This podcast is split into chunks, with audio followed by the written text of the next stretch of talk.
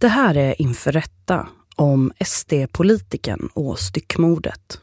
Vill du höra fler avsnitt, som till exempel fallet Jeanette, gängadvokaterna eller mordet på Malin, hittar du dem på Podmi. Du lyssnar på Inför rätta om SD-politiken och styckmordet. Det här är del två.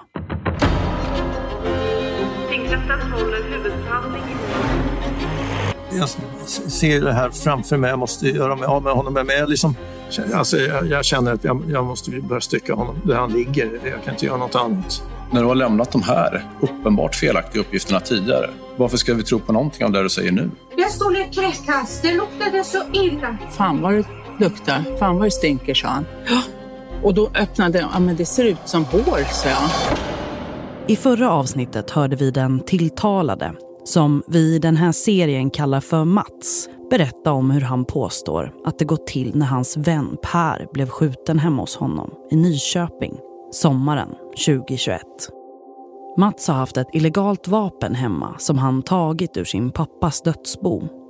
Han har berättat att en dag när han kommit hem från mataffären så har Per lagt fram vapnet på vardagsrumsbordet och han har också berättat att pistolen avlossats av misstag när han gått förbi Per för att lägga tillbaka vapnet i sovrummet där han haft det gömt.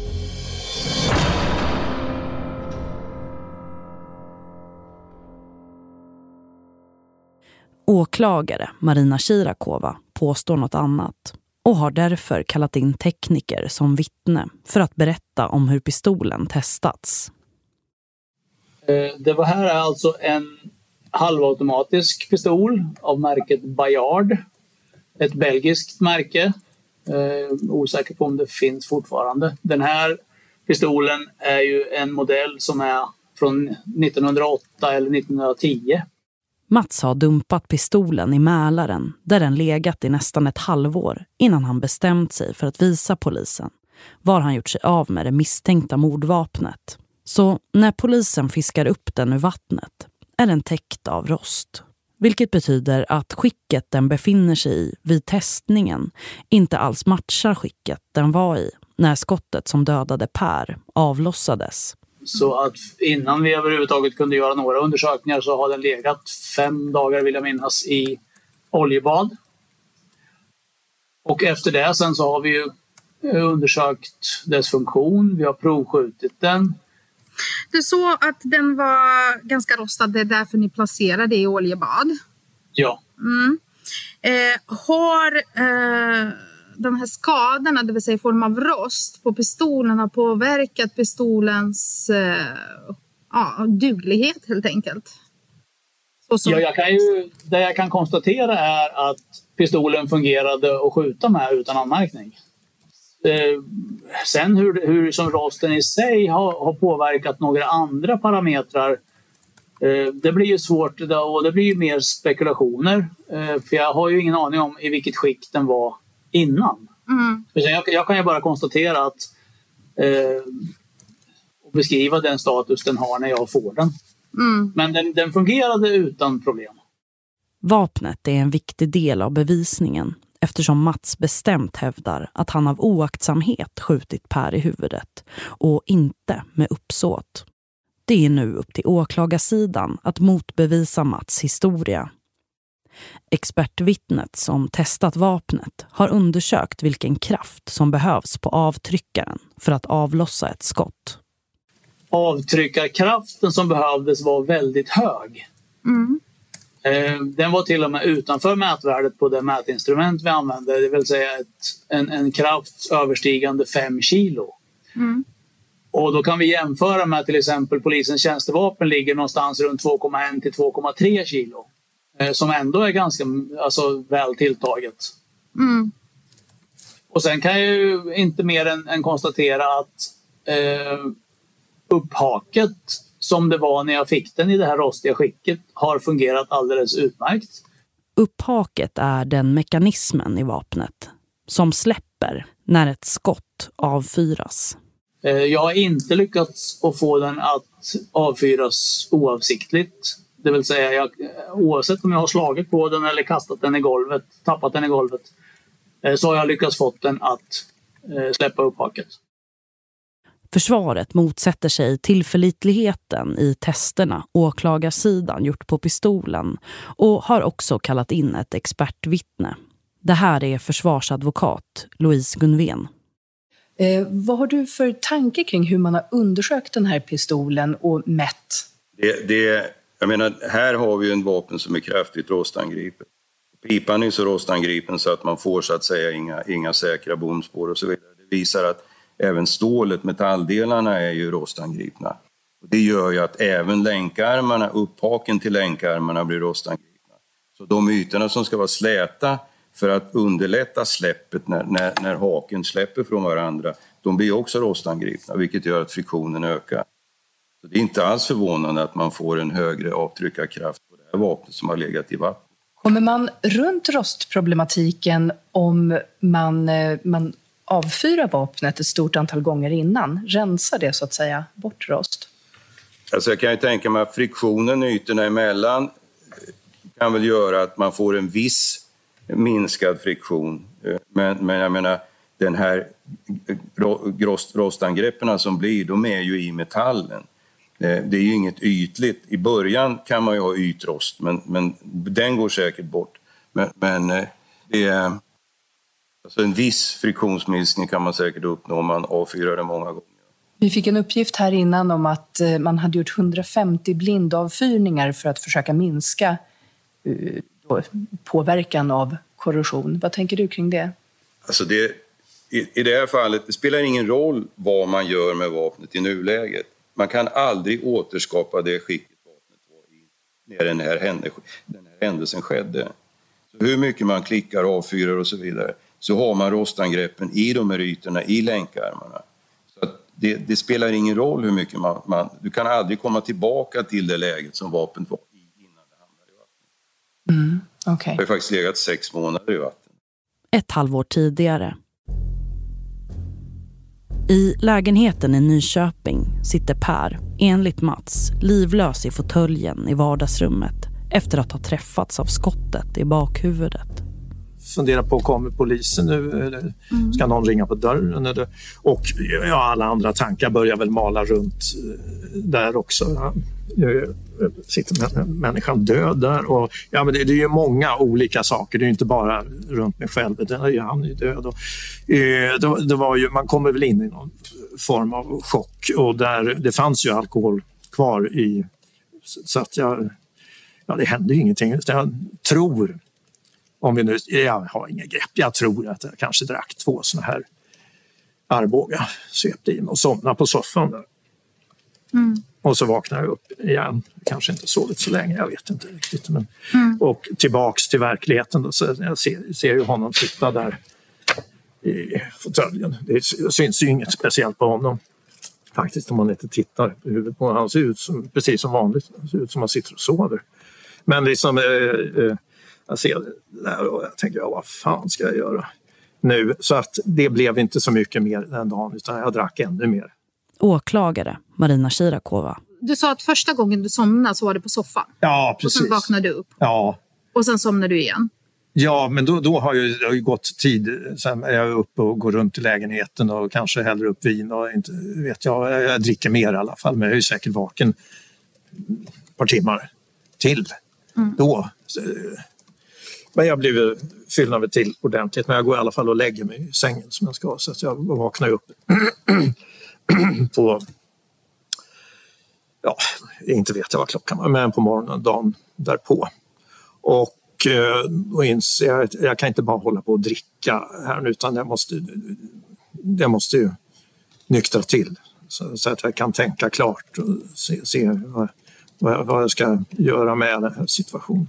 Och dagen efter, vad är det för dag? För att eh, alla ska vara med? Ja, just det. Det måste ju vara då 2 eh, september, en torsdag. Då. Mm. Vad gör du då när du vaknar upp? Ja, jag ser till att jag... Jag kommer inte ihåg, eh, men jag ser till att jag blir nykter, att jag inte dricker något mer. Jag ser väl till att jag äter, duschar, går ut, tar en lång promenad och, så, och börjar tänka runt. Eh, jag måste göra mig av med kroppen helt enkelt. Och det tänker du på torsdag? Det tror jag att jag tänkte. Ja, Okej. ägna. Och varför ska du göra det? Ja, för, Ska du bli av med kroppen? Berätta om dina tankar och konsekvenstänk. ja. Allt, all- det andra alternativet det är ju som vi har sagt att eh, jag måste ju det, annars kommer jag ju att få eh, alter, eller alternativet är naturligtvis att få någon form av straff och bli av med både jobbet och den politiska verksamheten. Och de här, den här tank, konsekvenstänkandet som du berättar om, dels alltså när det har hänt lite senare då och även på torsdagen där du tänker att jag måste bli av med kroppen för att helt enkelt komma undan inte få straff och inte och så vidare. De här tankarna som du har kring det, har du dem hela tiden eller kommer du på det då och då? Alltså under hur lång tid har du tänkt så här innan du har bestämt dig för att göra det vi kommer till sen? Ja, de här tankarna går ju... Det är ju som sagt alla möjliga tankar samtidigt. Eh, och ju, alltså situationen är ganska... Stressnivån är rätt hög naturligtvis. Så, eh, så ta, alla de här tankarna går ju runt varandra hela, hela tiden. Men alltså det... Det, alltså, självklart, jag kan ju avbryta det när jag vill. Jag kommer ju bara bli ifrågasatt för varför jag väntar så länge. Eh, men eh, eh, jag kommer väl fram till där på torsdagen att jag, ja, jag måste bli av med kroppen. Precis. Och vad gör du resten av torsdagen då? Ja, jag gör liksom ingenting. Jag är ju som sagt jag ute och går. Det känns skönt när det är stress i huvudet. Och jag lär väl ha lagat mat, ätit någonting också. Jag måste ju liksom allt det vanliga hålla sig kvar. Annars gör jag gör ingenting egentligen. Jag, ser det här framför mig. Jag måste göra mig av med honom. Men jag liksom eh, skjuter ju på det också. Det, det, jag förstår att jag måste ta itu med det där, men det, det, det är otrevligt om vi säger så. så att jag det skjuter framför mig. Så på fredagen tar jag itu med det här med bilen istället. Men jag tänker, varför behöver du lösa det där med bilen då? Ja, det var, det var väl ett sätt att ta itu med någonting annat som jag också behövde ta itu med, men liksom börja i fel ände kan man säga. Men till slut börjar Mats förbereda sig för det han säger att han skjutit framför sig. Han påstår att han vill dra ut Pers kropp på balkongen. la ut presenning och saker och ting, eh, plast och flytta undan saker som var i vägen för att kunna få ut kroppen där. Mats välter fåtöljen för att tippa ut Per. Men när han sen försöker dra ut kroppen så orkar han inte. Och därför blir Pers kropp liggande på vardagsrumsgolvet. Vad gör du sen då? Och när och hur? Ja, jag skulle tro att jag på... Jag måste ju börja någonstans och nu ligger han ju där, där han inte ska vara från början. Så att jag, alltså jag, jag känner att jag, jag måste börja stycka honom där han ligger. Jag kan inte göra något annat. Eh, så jag, om jag minns rätt, har jag tagit fram kanske mer plast för att skydda. Det var ju inte ordning gjort någonting. Där, lägga under plast och försöka lägga lite plast mot väggen och, och papp och sådär. Jag kommer inte ihåg riktigt. Eh, och eh, så skulle jag... Ja, jag blir, och sen blir jag ju tvungen att leta rätt på hur ska det här gå till. Vad, vad ska jag göra? Så att jag tar fram säckar och eh, kniv och ja, tänka ut hur jag rent praktiskt ska göra det här. Mats tar också fram plastpåsar. Och i varje påse lägger han olika tunga saker. Har du någon plan? Ja, alltså, ja planen börjar... Alltså, jag har svårt... Jo, det, alltså det...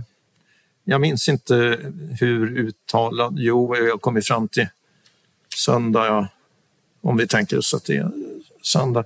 Eh, jag förstår ju att eh, jag måste dumpa delarna i vatten. Så, så, så, eh, och därför ska det vara i tyngd. Mats berättar att han packar ihop alla Pers saker som han haft hemma hos Mats under sommaren. Och varför ska du göra det? Packa saker, hyra Jo, det- bilen och åka upp. Förklara, hur tänker du? Ja, Vad är tank, syftet tanken, med det? syftet med det, tanken med det är att när det börjar eh, på något vis komma fram att saknas Mm. så ska jag kunna säga att ja, jag vet inte, jag skjutsar upp honom på måndag. Mm. Det är grundtanken med det och då är det självklart att jag eh, skjutsar upp också så mycket saker som möjligt Mm. till honom. Det är För det. att, det ska, för att det ska ge styrka till En- dina ord att Ja, det här är krig. precis. Ja, okej. Ja, ja, ja, exakt, Så det är egentligen en a- äh, alibi vi pratar om? Ja, ja, just det. Det är mörkt när Mats ger sig ut på Stockholms gator för att leta efter en plats han kan göra sig av med kroppsdelarna. Innan han flyttade till Nyköping så bodde han i centrala Stockholm. Så han känner till stadsdelarna väl. Eh, jag tänkte både på Norr Mälarstrand och på eh, här där Karlbergskanalen eller mm, Barnhusbron där. För jag släpper det från Barnhusbron sen. Det är, när jag bodde i Stockholm så gick jag ofta den vägen från, från, eh, till och från jobbet. Så liksom det, det är platser jag känner till. Och eh, jag lär ju göra det, inte mitt på dagen naturligtvis, utan det, det Mm, jag förstår. När du kommer till Stockholm, vart åker du först? Jag åker hem till först och, och går upp med alla hans saker. Och ja, lägger ut där lite grann som, som, om, som om han hade åkt, som jag tänker mig att han hade åkt hem och kanske packat upp lite av sina saker och så. Mm. Vad gör du sen? Eh, och sen åker jag iväg, parkerar bilen på Kungsholmen och åker över Barnhusbron, parkerar bilen på Kungsholmen, eh, tar den här påsen, eh, går upp på Barnhusbron och släpper ner den. Jag, jag tror jag blir tvungen att gå lite av och an. Så där, det rör ju sig. Klockan är väl vid 11, halv 12 eller någonting sånt där. Men det rör ju sig fortfarande folk ute så där. Så att liksom ingen passerar precis då och ser vad jag håller på med. Och förstår Sen åker jag hem. Mats berättar att han kommer hem sent den här kvällen. Och han har börjat tänka om. Hans plan att göra sig av med alla kroppsdelar i Stockholm känns mer riskfylld än vad han först tänkt. Det där kändes ju inget bra. Jag, hade, jag kan inte stå där på Barnhusbron och det är liksom alls, det, det, det går inte. Det är för mycket folk. Man kan inte hålla på med massor av bitar där. Så, eh, jag börjar ju tänka om lite grann om jag skulle liksom eh, lämpa av det här nere hos mig istället i, i Sörmland. Sen minns jag inte riktigt om, eh, för om det är den här veckan eller längre fram. Men jag har ju genom tiden jag har åkt runt rätt mycket. Det finns, jag har ju åkt runt mer i Sörmland än vad som går att kartlägga för jag har ju åkt utan telefon och sådär också. Letat ställen. Eller om det kommer lite senare och jag liksom bara fortsatte med kroppen den här veckan. Jag blev väl i alla fall, så vitt jag minns, eh, färdig med den här styckningen denna vecka tror jag. På ytan verkar Mats liv pågå precis som vanligt, fast Per ligger död i hans lägenhet. Samma vecka som han berättar att han styckar och försöker göra sig av med kroppsdelar av sin döda vän så deltar han också i ett av Sverigedemokraternas partikonvent. En partikamrat har under polisens utredning berättat att Mats under en kväll i baren umgåtts med ett större sällskap och att han betett sig precis som vanligt. Tillbakadraget och analyserande. Efter partikonventet har Mats åkt hem och återgått till att göra sig av med Pers kropp. Mats har tidigare berättat att han trott att en granne kanske hört något när skottet gick av. Men när ingen kommit och ringt på så har en tanke väckts i honom. Och det är en tanke om att slippa undan konsekvenserna av Pers död. Det Mats inte vet är att dagen då skottet gick av satt Mats granne Britt-Marie en våning ner och tittade på tv. Och hennes observationer den här dagen ska visa sig vara viktiga för åklagaren. Ja, jag hörde ju vad jag inbillade mig då var en bang, men det var ett skott. Det förstår jag idag med facit i hand. Det hörde jag tydligt rätt ovanför min tv när jag satt en kväll. När var det i tid du hörde en sådan pang? Jag kan inte säga vilken dag och inte vilken tid. Men jag reste mig och gick ut på balkongen och tittade upp och tittade ut och det hördes inget mer. Men eh, kan du precisera vilken månad det var i alla fall? Ja, i augusti. Eh, augusti-september är det skiftet. Vad sa du? Augusti-september-skiftet? Ja, ja. Mm, okay. Har du observerat det, något annat? Ja, det, är förskräckligt eh, sågande och bullrande och konstiga ljud där uppifrån har jag förklarat. Mm. Och sen lukten som var i trappen eh, den veckan. Och det är inte bara Britt-Marie som känt lukten i trapphuset. Det har också Laila gjort. Och hon bor mitt emot Mats. Kanske jag kommer inte ihåg precis att det var på en kvällen. Jag kom i chocket, det kändes någon ruttet lukt man visste inte varifrån kommer. Det bara kom plötsligt lukt. Så, så jag tänkte här, någon, jag jobbar med, i vården med gamla människor. Jag tänkte ha dött en gamla människa någonstans i porten eller ja. Så det är min första tanke. Okej, så du känner den här lukten och eh, din tanke är att någon gammal människa har dött i porten? Ja, det, det är min första tanke. Okej, okay. hur länge har det luktat på det sättet? Kanske några dagar. Jag, det har gått kanske en dag, två dagar. Vi, vi är tvungna att hela tiden ha öppet i, i rummet bredvid och köket, öppna fönstret. Det gick inte vara där inne i, i köket, vara där. Det var så luktet hemskt lukt. Det var så hemskt. Ja. Och sen jag tänker så här, när var det när lukten kom? Och jag kan inte, kommer inte ihåg okay. dag. När vi gick vi med polisen varje hemma så med gick vi alla och vi ställde alla nu jag kan inte säga datumet. Det är... Vilken månad? Var det... det var början av september. Början av september, det är det jag ville. Har du och din make på något sätt vänt er till er bostadsrättsförening eller hyresrättsförening? Ja, det sa, när han sa till mig att jag ska fråga de där som arbetade om den. Jag mm. frågade dem och sen jag sa ingenting, eh, kan man säga, mera. Jag väntade och sen den uh, kanske kom två, tre dagar kom jag till min rast och sen det luktade illa och sen uh, jag skulle gå ut från lägenheten. Det luktade, det finns den där som är ventilationlucka där framför ovanpå min dörr. Jag skulle kräkas, det luktade så illa och det var så hemskt. Du gör anmälan hos HSB. Minns du vilket datum du gör det? Jag kanske kommer inte, men det kanske åttonde, åttonde, sjunde, åttonde ungefär så. Mm. Det har gått några dagar ungefär så. Ja, jag har ju anmälan framför mig. Där står det att anmälan är mottagen den 9 september. Kan det stämma? Det kan det stämma. Kammaråklagare Marina Shirakova försöker under rättegången att reda ut var Mats gjort sig av med alla kroppsdelarna.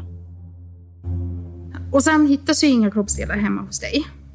Kan Nej. du berätta lite närmare uh, var och vid vilka tillfällen du har gjort dig av med dem? Mm.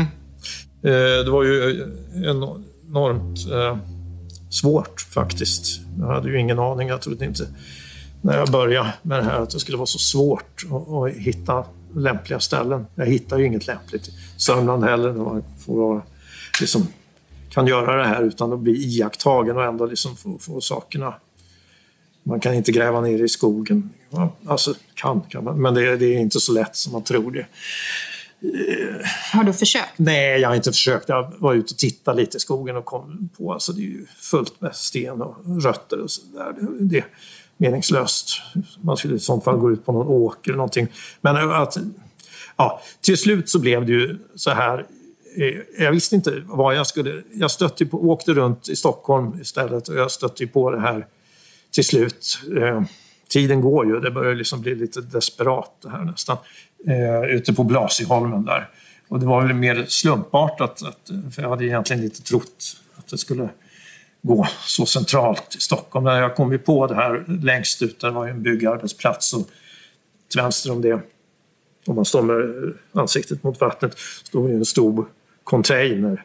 Och där tänkte jag att ja, jag kan, här står man ju, om man är ute sent på kvällen så står man ju skyddad av containern och bilen kan man ställa nära där. Så att jag, jag valde ut det stället till slut. Det kändes lite desperat men alltså, tiden bara går. Och, jag... mm och när gör du dig av med kroppsdelarna? I hur många omgångar vi började? Ja, jag tror att det bara är en eller här får ni rätta mig om, om det har varit något annat i förhör. Jag är ute och rekade, men jag tror att det bara... Eventuellt kan det vara två gånger, men jag tror att det räckte med en gång att jag var där. Eh, för då blev det ju så här att jag slängde i två paket där, men ser ju att det, det sjunker ju liksom inte. Det, jag får intryck av att det bara flyter iväg. Mats berättar att han gör sig av med resten av påsarna i containern som han tagit skydd bakom för att slänga ner kroppsdelarna i vattnet. Så det är två påsar som du minns? Som du ja, eventuellt tre. Eventuellt tre? Ja, ja. Har du någon koll på vilka kroppsdelar som nej, finns? Nej, i det läget har jag ingen koll på vad som ligger i vad. Mats har också behövt göra sig av med vapnet. Han berättar att han kontrollerat det och torkat av det bara dagar efter att Per skjutits. Men sen blir den liggande. Eh, jag lägger väl tillbaks den i sin påse tror jag. Och har kvar den ändå ett tag. För det där eh, det, ja, på något vis bjöd väl emot lite att göra mig av med den. Eh, faktiskt var det väl så också att jag funderade ett tag på om jag kanske skulle ja, skjuta mig själv ifall det här går åt okay. skogen. Det, det är därför den är laddad. Men sen tänkte jag ju om eh, och eh, det kommer jag inte göra, kom jag fram till. Och, och då var det dags att göra sig av med den. I alla fall. Men då hade jag börjat. Jag hade redan, jag hade ju den ett tag. Ja, tanken att använda den. Hade du haft den? Hur länge har du haft den innan du gjorde av dig med den? Ja, precis. Jag tror att eh, jag slängde den här eh, Mälaren där slutet på oktober. Skiftet oktober-november. Ja, mm. någonstans där. Det Mats inte vet är att en granne till Per anmält hans försvinnande. Och redan tidigt efter Pers död har polisen fattat misstankar mot Mats. Den 16 september görs den första upptäckten. Den som ska bli början till upplösningen av det här fallet. Och den upptäckten görs av Ulla och hennes kapten när de är ute och rensar skräp i Karlbergskanalen i Stockholm. Vi var ute och rensade skräp i Karlbergskanalen som vi gör. Det är inte alltid jag som gör det, ibland är det någon annan som gör det. Och så åkte vi och så skulle vi åka en väg över och fika tvärs över på där kajak men sen sista buskaget på vänster sida. Så, alltså det har ju en kapten som kör och så står jag och krattar eller hovar upp vad som finns. Och då låg det påsar där och flöt i buskaget. Fiskade vi upp det på däck och eftersom vi måste sortera om det är miljöfarligt eller om det är glas eller vad det är för någonting så öppnade jag upp påsen lite grann för att se, för det var lite tyngd i påsen. Och så öppnade jag upp det lite och då kom en stank så min kapten höll på, han tappade kepsen och sa, vad fan, fan vad det luktar, Fan vad det stinker, sa han. Och då öppnade jag, ja men det ser ut som hår, sa jag. Ulla öppnar påsen med hjälp av båtshaken. Det är som en lång krok i metall. Och hon ser direkt att det som ligger i påsen är kvarlevor från en människa. Då åkte vi in till bryggan där vid den här kajakuthyrningen som ligger precis där. Och så ringde vi polisen. Eller vi ringde till vårt jobb, så ringde de polisen. Mm. Och så kom det en polisbåt ganska snart med två kvinnliga poliser. Minns du vilket datum det var? Ja, september där. Jag tror att det var den 16. Mm. Ja. Hur ofta åker ni i kanalen där och rensar skräp? Ja, vi har ju såna här, alltså för Stockholms hamn, det är lite olika. Ja, vi kanske ett par gånger i veckan. Mm. Ulla har också tidigare berättat i förhör med polisen att hon varit ute och plockat skräp en vecka tidigare och att de åkte förbi samma plats. Då låg inga påsar i buskaget. Jag är ytterst tveksam att jag skulle ha missat det. Och kan det stämma att uh, senast innan dess, innan den Ja, det 16 kan så nog var vara. det nionde? Ja, men det kan det nog vara. För det här, jag vet inte om det här kanske var en torsdag, tisdag eller något. Och det kan, vi är ungefär, ska väl vara där ett par gånger i veckan. Mm. Hur kändes det att hitta och göra den här upptäckten? Det var ju ingen hit. Nej, Nej det var jättejobbigt. Ja. Jätte, jätte, jättejobbigt var det. Under hösten hittas fler kroppsdelar runt om i Stockholm. I november, två månader efter Pers död, har polisen span på Mats. De ser honom göra sig av med fåtöljen som Per satt i när han sköts till döds. De beslagtar fåtöljen från soptippen där han dumpat den och på den hittar polisens tekniker spår av blod och rester från ett skott som avlossats. Så kallade tändsatspartiklar. När polisen senare gör en brottsplatsundersökning i Mats lägenhet hittar de blodstänk från Per. Den 18 november 2021 grips Mats av polisen och skulle under ett drygt halvår förhöras tio gånger. I de första sju förhören nekade han till alla anklagelser innan han till sist började berätta. När Mats fått berätta sin historia för rätten om hur det kom sig att Per dog i hans lägenhet i slutet av sommaren 2021 så vill målsägarbiträdet Marcus Karner ifrågasätta sanningshalten i flera av Mats uppgifter. Och det stämmer väl att inledningsvis då förnekar du allting som hade med mord och även brott mot griftefriden att göra. Ja, precis.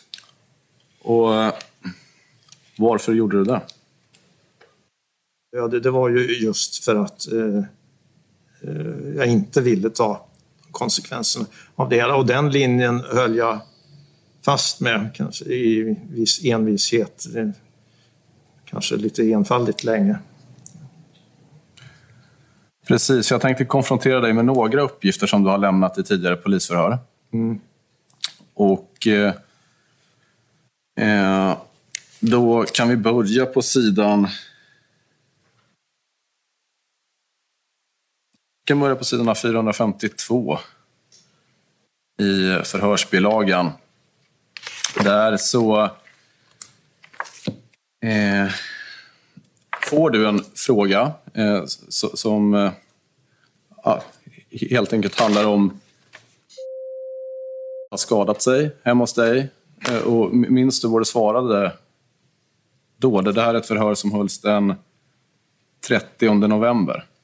Och man hade skadat sig i lägenheten. Eh, jag, minns, det, jag, ja, jag minns inte så väldigt noga, men jag kan ju ha sagt att han har skadat sig, att han har haft något sår på fingret eller eh, sår på foten.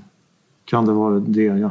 Ja, men precis. Du nämner att han har, kan ha haft något eh, skada, gjort sig illa på fingret, men, men det, var- det var ingen stor grej. Nej, och, precis. och, varför hittade du på det? Va? Ja, det kan finnas någon, någon blodfläck där på, på, på, eh, på dels den här förpackningen. Det stod en bänkskiva ute i förlängningen av hallen där vid bokhyllan finns någon blodfläck på. Eh, sen kan vi gå vidare. Det, det är samma förhör, det är sidan eh, 461 i förundersökningen. Då får du... Jag vet inte om det är så relevant att höra uh, min klient mot, mot gamla uppgifter som inte är aktuella längre. Ja, jag tycker nog att det är relevant i och för sig. Ja. Och eh, där fick du frågan, var finns vapnet? Eh, Kommer du ihåg vad du sa till polisen då? Nej. Nej. Det, det, När i tid är vi nu? Alltså? 30 november. Ja, okej. Okej. Ja, ja, ja, ja, för då har jag liksom inte erkänt någonting, eller hur? 30 november. Ja. Nej, precis. Så då lär jag väl inte ha svarat på det. Nej, pre- precis. Du, du svarar att eh, jag vet inte, det har jag inget att säga om. Nej. Och då eh, måste jag återigen fråga, varför berättar du inte vart vapnet var? Nej, för att jag var, in, jag- var inne på linjen och inte erkänna någonting. Så vid den här tidpunkten, allting för dig, det handlade bara om att komma undan ansvaret. Ja, i den här situationen då, ja. ja. Mm. Precis.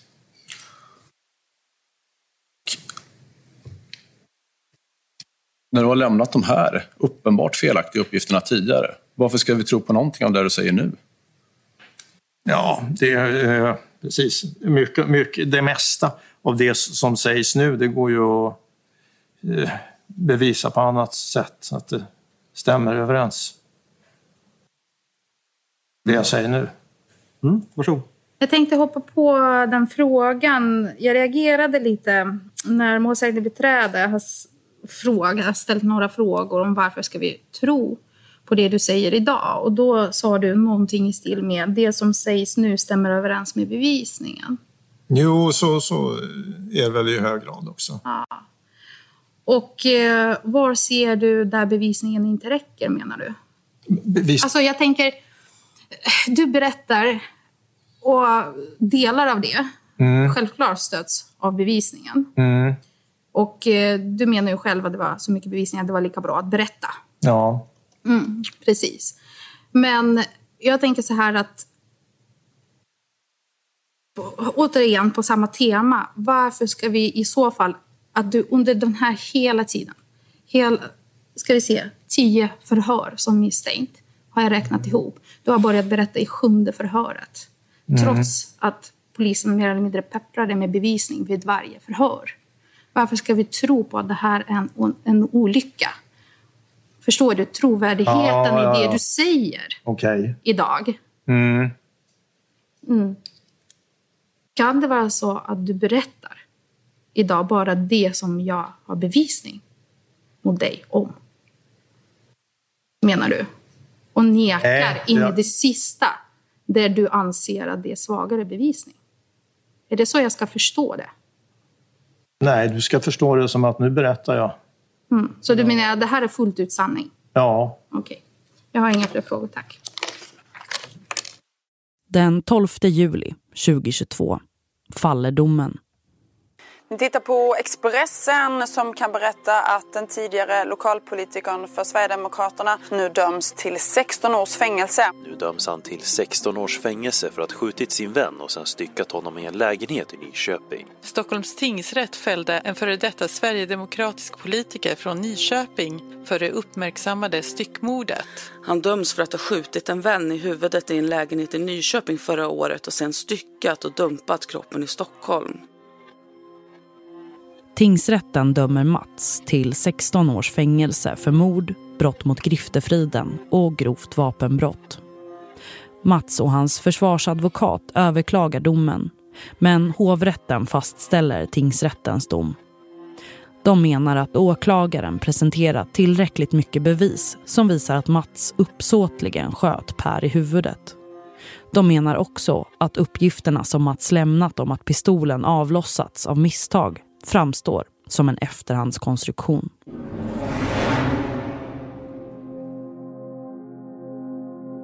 Du har hört Inför rätta om SD-politikern och styckmordet. Det här var den andra och sista delen. Producent och reporter var jag, Matilda Blom. Redaktör var Timmy Strandberg som även stod för ljudprofil och slutmix. Exekutiv producent var Joni Söderström Winter. Bistod gjorde även Moa Sultanian Magnusson. Flera namn har ändrats av hänsyn till offret, de anhöriga och övriga inblandades anonymitet. Ljudklipp kommer från Aftonbladet, Expressen, SVT och Sveriges Radio. Du har hört Inför rätta om SD-politikern och styckmordet. Du kan höra alla avsnitt av första säsongen av Inför rätta på Podmi.